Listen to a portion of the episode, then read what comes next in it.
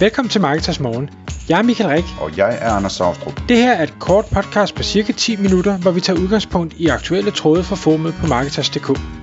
På den måde kan du følge med i, hvad der rører sig inden for affiliate marketing og dermed online marketing generelt.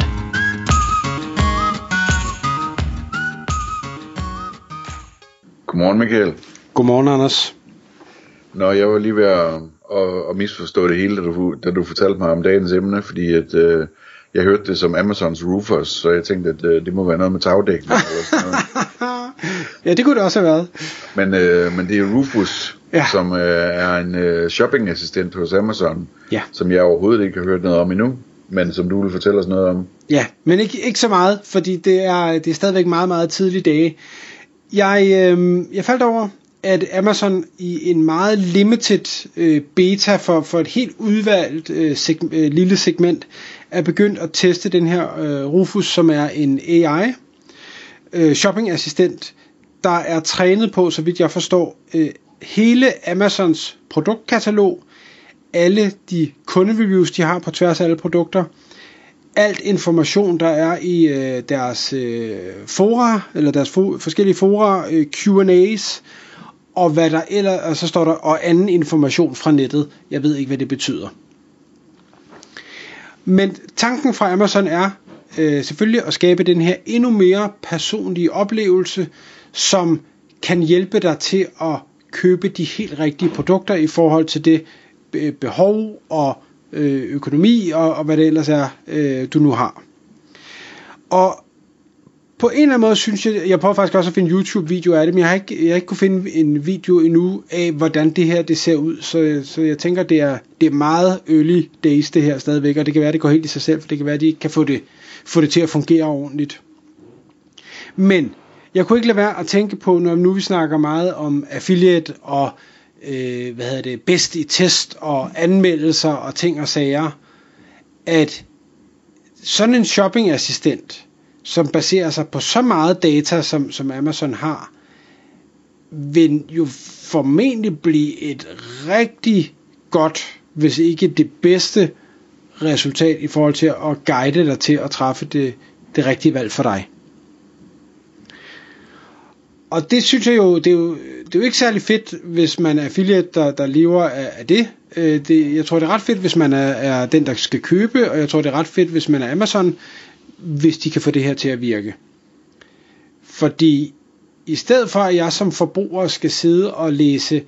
en masse forskellige reviews igennem, for at finde ud af, hvad er det egentlig folk de rater ting på. Jeg, jeg har det sådan lidt, når jeg, hvis jeg bestiller hotelværelser, eller øh, sådan noget, når man skal ud og rejse,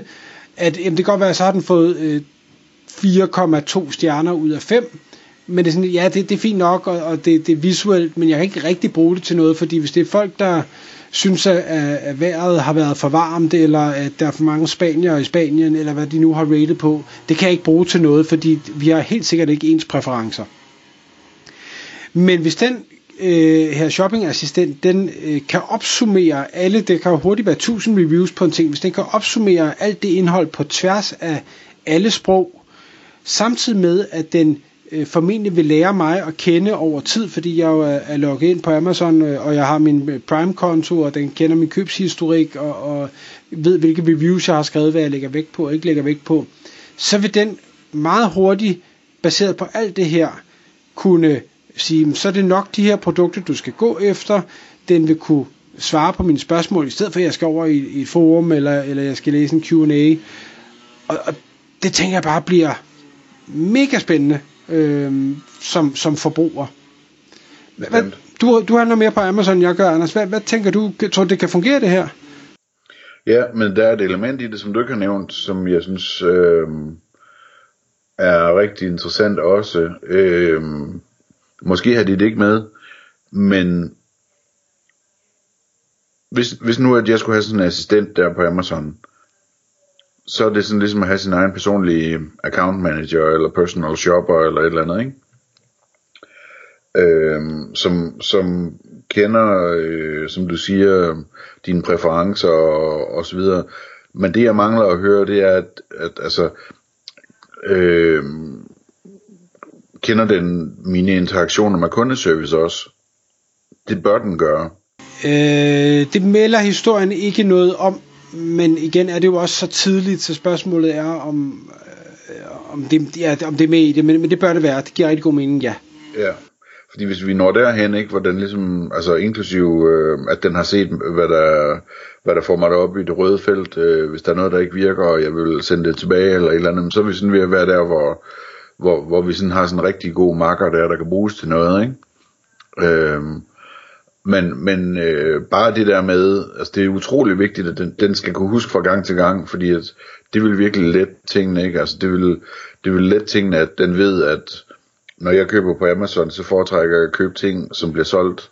af Amazon, og ikke øh, fra en, øh, en tredjepartsforhandler, og jeg foretrækker, at, at, at, at, øh, at tingene kan sendes med ekspres i stedet for med postvæsenet, og øh, hvad ved jeg, altså alle de, alle de der sådan små ting. Øh, jeg vil have produkter, som, som øh, har mange reviews og har høje reviews og alt, alt altså alle de der ting der, det skal ligesom bare, øh, det, det, skal, den, det skal den antage, og måske bare lige skrive til mig, og, og sige, jamen jeg er god for, at det ligesom, det plejer, at du gerne vil have det sådan og sådan og sådan, ikke? Altså, det, det, det kunne være nyttigt. Øh, Ja, og, og det, det, det synes jeg, det giver så meget mening, så det er jeg sikker på, at de har tænkt ind i det. Der, hvor jeg synes, det kunne være ekstra lækkert, det var, at den øh, også øh, ikke, ikke såede tvivl om, hvad det var, jeg ville, men at den udfordrede det, som en personlig shopper jo ville at sige, jamen, det kan godt være, at du ikke synes, at, at prikket tøj er, er fedt, men jeg tror, du vil se rigtig godt øh, ud i det, skulle du ikke lige tage at prøve det sådan så at, at man ikke siger, jeg vil kun have, have 5-star review produkter, og derfor så det produkt, der reelt set passer bedst til mine behov og min pengepunkt, det får jeg ikke præsenteret, fordi det falder uden for en eller anden øh, kategori, jeg lige har sat ind. Det, det synes jeg kunne være fedt, hvis den, hvis den kunne gøre det også. Øhm, det der selvfølgelig kan være en udfordring i, det, det er øh, for de produkter, som måske ikke er anmeldt, eller har reviews, eller hvor, hvor der simpelthen ikke er data nok til, at den sådan rigtig kan, kan konkludere på det. For den, altså, maskinen er jo ikke klogere end, end det indhold, den er trænet på. Så produkter, der ikke har gode produkttekster, eller øh, udførlige FAQ'er, eller specs, eller øh,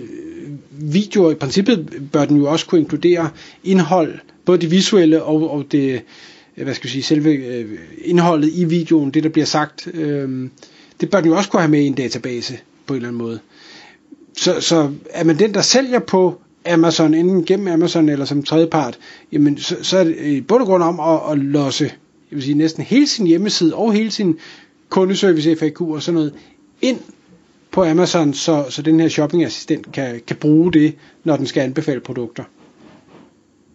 hvis, øh, der, jeg, har ikke, jeg har ikke konklusionen her, Anders, men lad os nu sige, at det her det bliver en succes for Amazon. Jeg ved godt, at Amazon ikke rigtig er i, øh, ja, de er i Sverige, men det fungerer ikke rigtig for dem stadigvæk. Hvordan ser du en succes med det her påvirke alle de her mange testsites, øh, der findes derude? Fordi Amazon er jo i, i en lidt anden situation end, end en affiliate, for en affiliate vil gerne pushe de her produkter, og måske endda specifikke produkter, hvor en